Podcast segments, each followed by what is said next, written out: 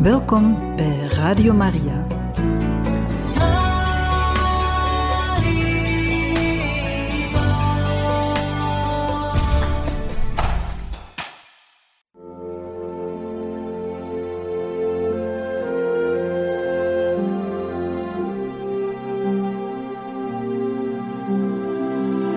Beste luisteraars van Radio Maria, welkom bij het programma Catechismus. Een overweging bij de geloofschat van de kerk.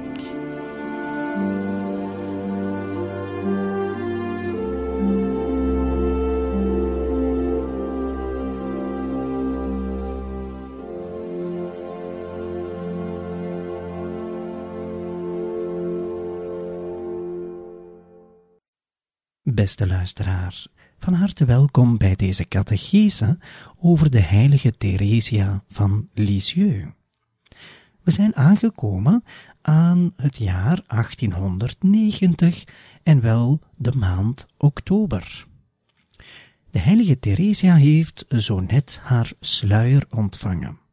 Niet meer de witte sluier die ze had sinds haar noviciaat, maar nu de zwarte sluier, deze van een zuster in de Karmel. Therese is volledig karmelites, en vanaf nu zal zij dat leven volledig tot de hare maken. Niet zonder moeilijkheden. Zij leeft met vermoeidheid, soms eens met een slechtere gezondheid. Ze heeft verschillende zorgen. Ze heeft ook grote verlangens in haar hart. Ook al leeft ze verborgen voor de wereld in het klooster, zij behoudt altijd dat grote verlangen om op missie te vertrekken. Dat zal hetgene zijn dat wij opmerken wanneer we haar brieven zullen lezen. Voor de rest kunnen we zeggen dat na haar sluierneming alles ongeveer hetzelfde blijft. Zij maakt een opgang naar heiligheid. Ze beleeft voornamelijk een geestelijk leven aan de hand van de instructies van de heilige Johannes van het Kruis, een van de stichters van de Karmelgemeenschap en van die spiritualiteit van de Karmel. Zij beleeft ook het lijden in vereniging met Jezus Christus. We hebben het er al vaker over gehad. Wat gebeurt er nu expliciet vanaf die maand oktober na de sluierneming die Therese heeft gehad op 24 september? Wel, de vader is nog altijd ziek. Die zorgen over de gezondheid, psychische gezondheid, zijn zeer sterk aanwezig bij al de dochters. De vader Louis Martin blijft in het ziekenhuis. Op datzelfde moment zijn de twee zussen die nog thuis wonen, namelijk Leonie en Céline, werkelijk vol met zorgen voor de vader. Tegelijkertijd zullen zij ook nadenken over hun eigen roeping. Leonie, die al had geprobeerd in het klooster, maar reeds teruggekomen was, blijft denken aan een religieuze roeping. Haar hart gaat voornamelijk uit naar de visitandinnen, zoals haar tante ooit was geweest. Haar tante, de zus van de gestorven moeder van Leonie, was visitandine. En zij is in de geur van heiligheid gestorven. En dat heeft een grote impressie nagelaten bij al de kinderen van de Martins. Zeer zeker ook bij Leonie. Céline, wel, zij denkt ook na over haar roeping. Zij heeft reeds aan haar vader gezegd dat zij vermoedt dat zij ook karmelites wil worden.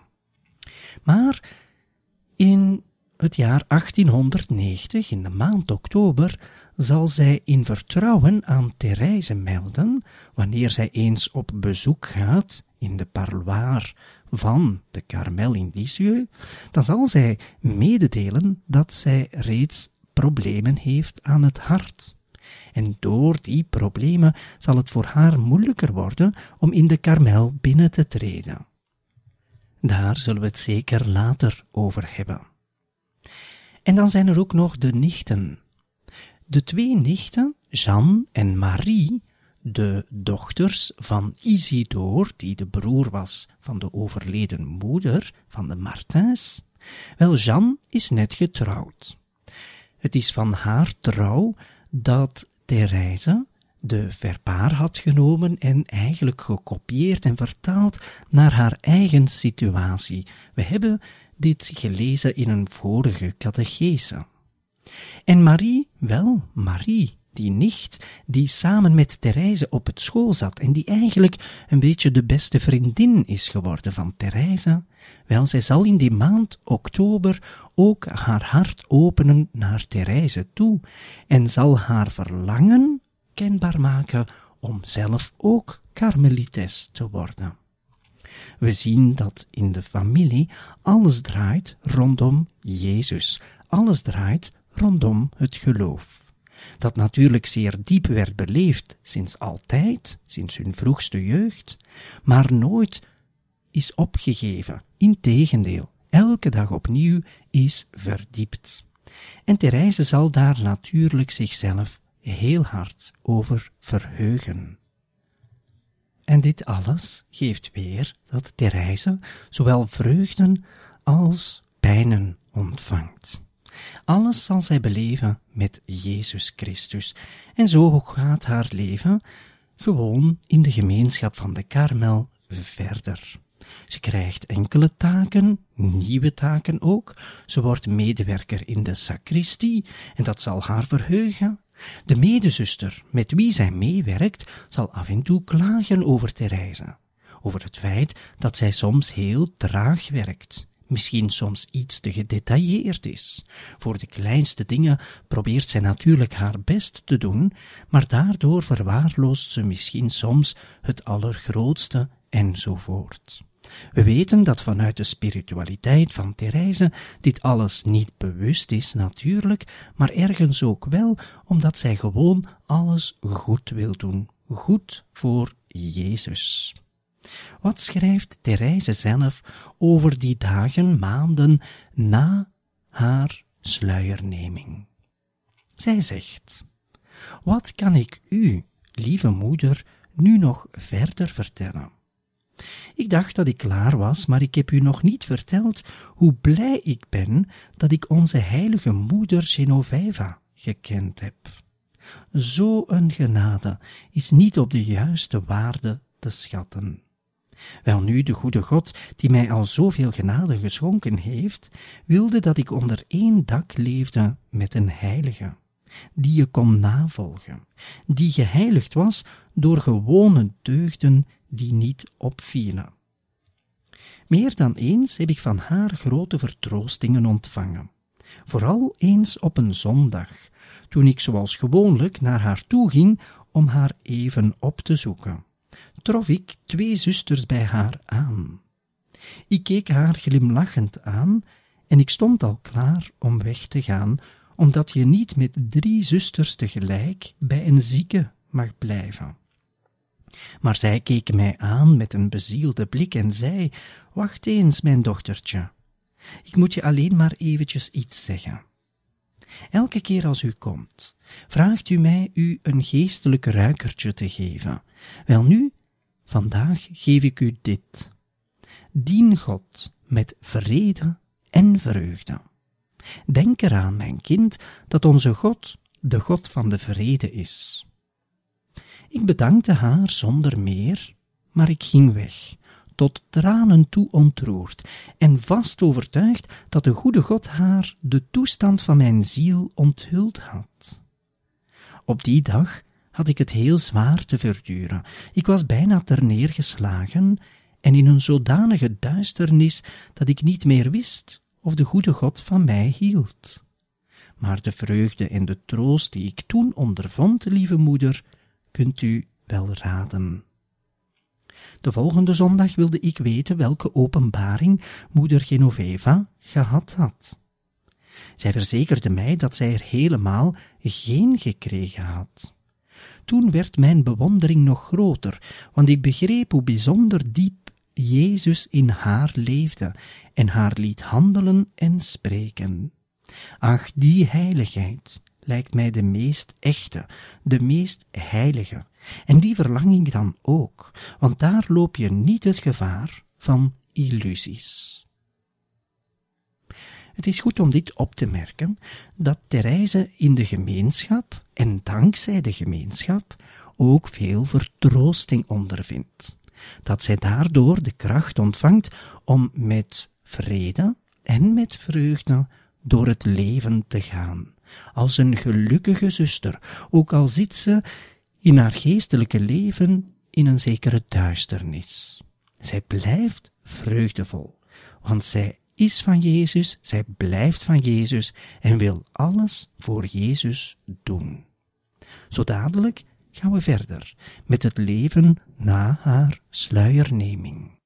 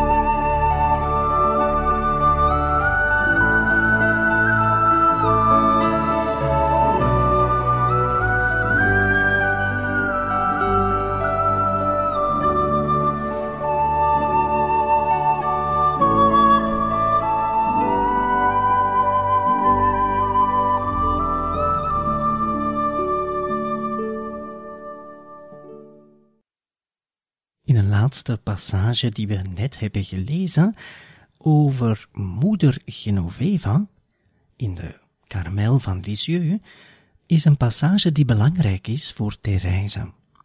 Moeder Genoveva was een echt voorbeeld. Ze noemde haar een levende heilige.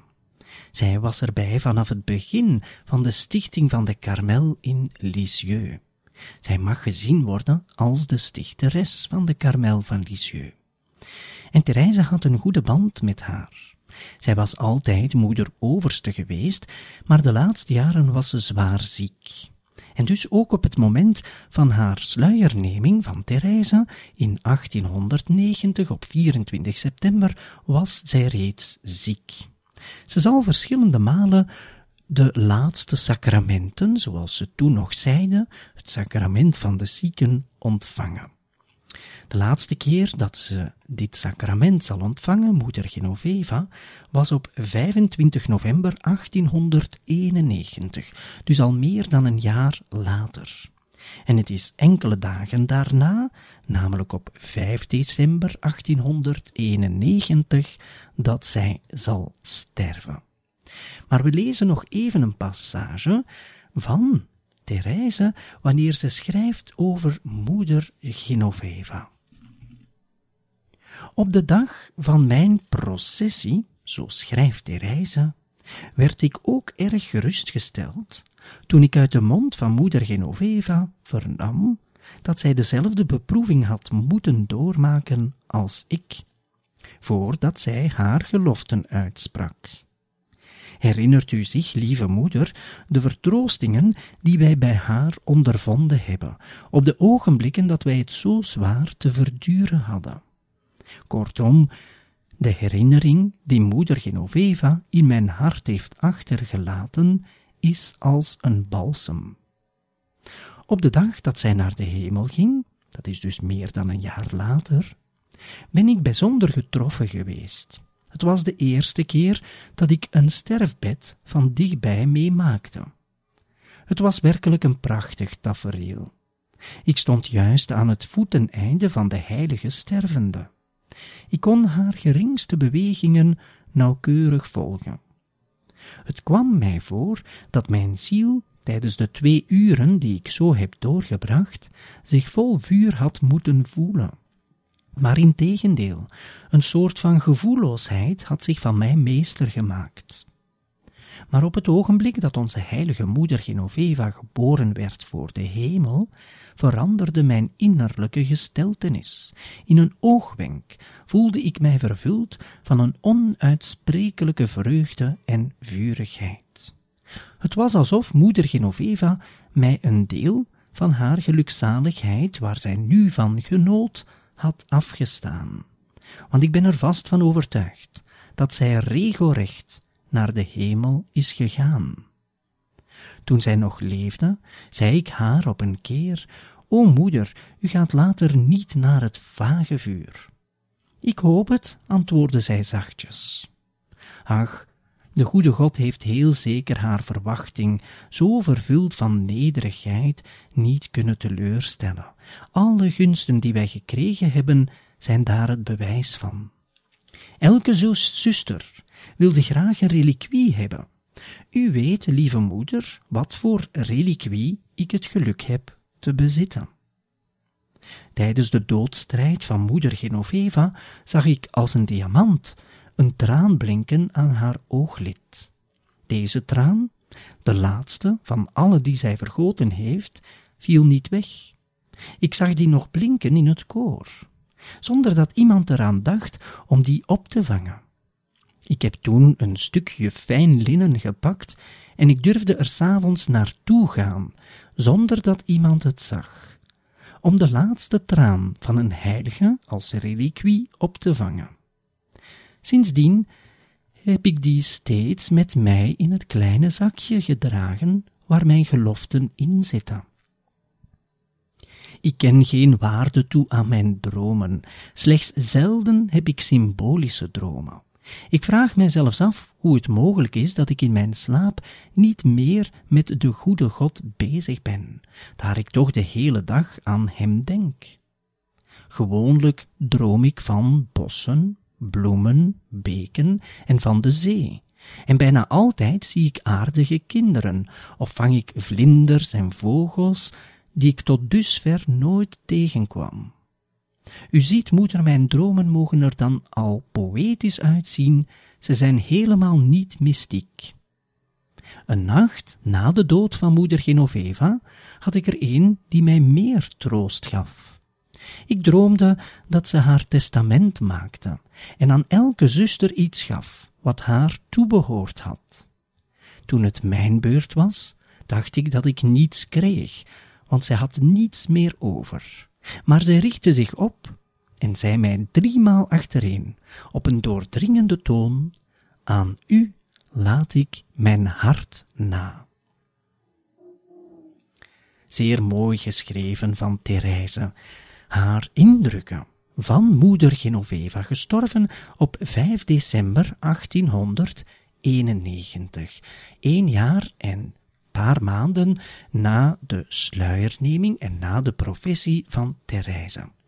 Therese had altijd een heel goed gevoel bij moeder Genoveva en zoals gezegd, ze zagen haar als een heilige.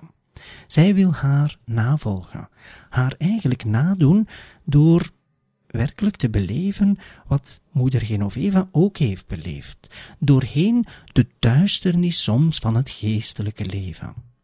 En Therese krijgt in die laatste droom die ze over moeder Genoveva heeft gehad, het hart van moeder Genoveva.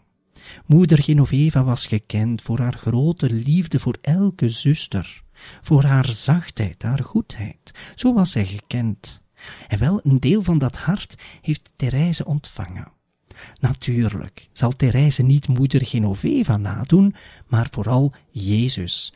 Maar de delen waar moeder Genoveva zelf Jezus had nagedaan, wel, die dienen als voorbeeld voor Therese om op die weg verder te gaan. En daarom is het belangrijk om deze passage van Therese en moeder Genoveva te vertellen. Zo dadelijk bekijken we ook nog iets anders dat er is gebeurd in dat jaar na haar sluierneming.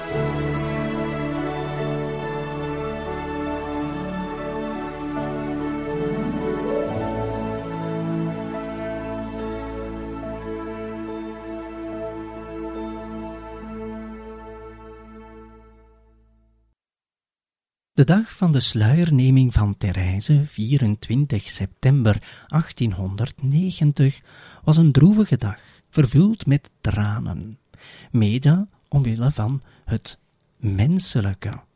Haar vader was niet aanwezig, met een slechte gezondheid, in het ziekenhuis. Haar geestelijke leider was niet aanwezig, die was naar Canada. De bisschop was niet aanwezig, die was ziek. En zo was zij werkelijk verlaten. Zij begreep het dat Jezus haar wilde als een weeskind, volledig gegeven aan Jezus zelf. En over die geestelijke leider wel, daar moeten we het volgende nog even van zeggen. Hij was vertrokken naar Canada. Therese onderhield natuurlijk een briefwisseling met hem, ook als hij in Canada was. En we lezen een antwoord van Père Pichon, de priester, die dus geestelijk leidsman was en die zich in Canada bevond. We lezen even een brief die hij heeft geschreven als antwoord op een brief van Therese. En deze brief komt vijf maanden na de sluierneming toe in de Karmel. En Père Pichon zal Therese feliciteren. Hij zegt en schrijft het volgende. Je hebt nu alle rechten en privileges van een echte bruid. Gefeliciteerd met je huwelijksreis naar Golgotha. Het prestige van je beroep is het stempel van het kruis. Je zusters kunnen jaloers op je zijn, en de uitverkorenen in de hemel zijn jaloers. Want Jezus gaf je en zijn kindschap en zijn lijden. Hoe gelukkig ben je, wat een onvergelijkbare bruidschat. Laat het kind in de wieg glimlachen en troost de gekruisigde op Golgotha. Heeft de maagd een mooiere missie gehad? Als ik ooit heb gehuild om mijn ballingschap en de 1500 mijlen over de Atlantische Oceaan heb geleden, dan was dat op 8 september. Maar ondanks alles was ik bij jullie en niemand was er meer dan ik. En ik heb je aan Jezus aangeboden in de vreugde van mijn hart. Wat feliciteer ik je met het feit dat je je geluk hebt gezocht en gevonden in de bitterheid van je goddelijke echtgenoot. Jezus heeft zich op 24 september overgegeven aan de vreugde van je hart, door je te overladen met zijn bittere gal. Hoe goed is het om hem ten koste van jou te troosten. Ja, ja, mogen het verlangen om zielen te redden groeien en zich meer en meer ontwikkelen in jullie harten. De dorst om een apostel te zijn door de apostelen te helpen. Als je eens wist hoezeer mijn Canadese apostolaat op jou rekent en je gebeden, tranen en offers verwacht. Je zult steeds meer zien, naarmate je de hemel nadert, dat lijden liefhebben is en liefhebben lijden. Bewaar kalmte en sereniteit in alles wat uiterlijk is, ook al word je innerlijk door de storm door elkaar geschud. Je bent gezegend, Gods lieve engel, dat je geen plezier meer vindt buiten Jezus, Jezus alleen, wat een rijkdom. Vraag niet om martelaarschap voor jezelf, zonder het voor mij ook te vragen, want anders zou het erg egoïstisch zijn. Ondertussen leven het martelaarschap van het hart, het dagelijkse speldenprik martelaarschap, het voelen van ons en het verheugen over het feit dat je een arm klein niets bent. Wel, dat is inderdaad een grote genade. Maak er het beste van. Ik ga deze ambitie van een meer verbannen ballingschap aanbevelen aan onze lieve Heer. Voordat we je hierop antwoorden, moeten we eerst bidden. Wel, we kunnen hier opmerken dat Therese in haar brief waarschijnlijk haar verlangen om te vertrekken op missie, om dus naar een andere stichting van de Karmel te gaan, heeft geuit aan haar biechtvader. En daarover zal er gebeden worden. We weten natuurlijk dat Therese nooit zal vertrekken uit Lisieux, maar het was wel eerst het plan. Zij had die missionaire drang. Natuurlijk wilde ze haar leven in de Karmel niet opgeven. Zij was volledig van Jezus en wilde leven met Jezus, voor altijd, voor de eeuwigheid. Maar tegelijkertijd in haar missionaire hart wil zij op een andere plaats gaan bidden voor de pastoraal, voor de apostolaten, al daar, in die missielanden. Daarom is het niet voor niets dat Therese werkelijk de patrones is van de missies. We lezen ook nog dat Therese een grote genade heeft ontvangen door zowel het kindschap als het lijden van Jezus te ontvangen. En dat zit reeds in de naam. Zij noemt Therese van het kind Jezus en van het heilig aanschijn. Het heilig aanschijn natuurlijk als symbool van het lijdende aangezicht van Jezus Christus kijkend naar de mensheid.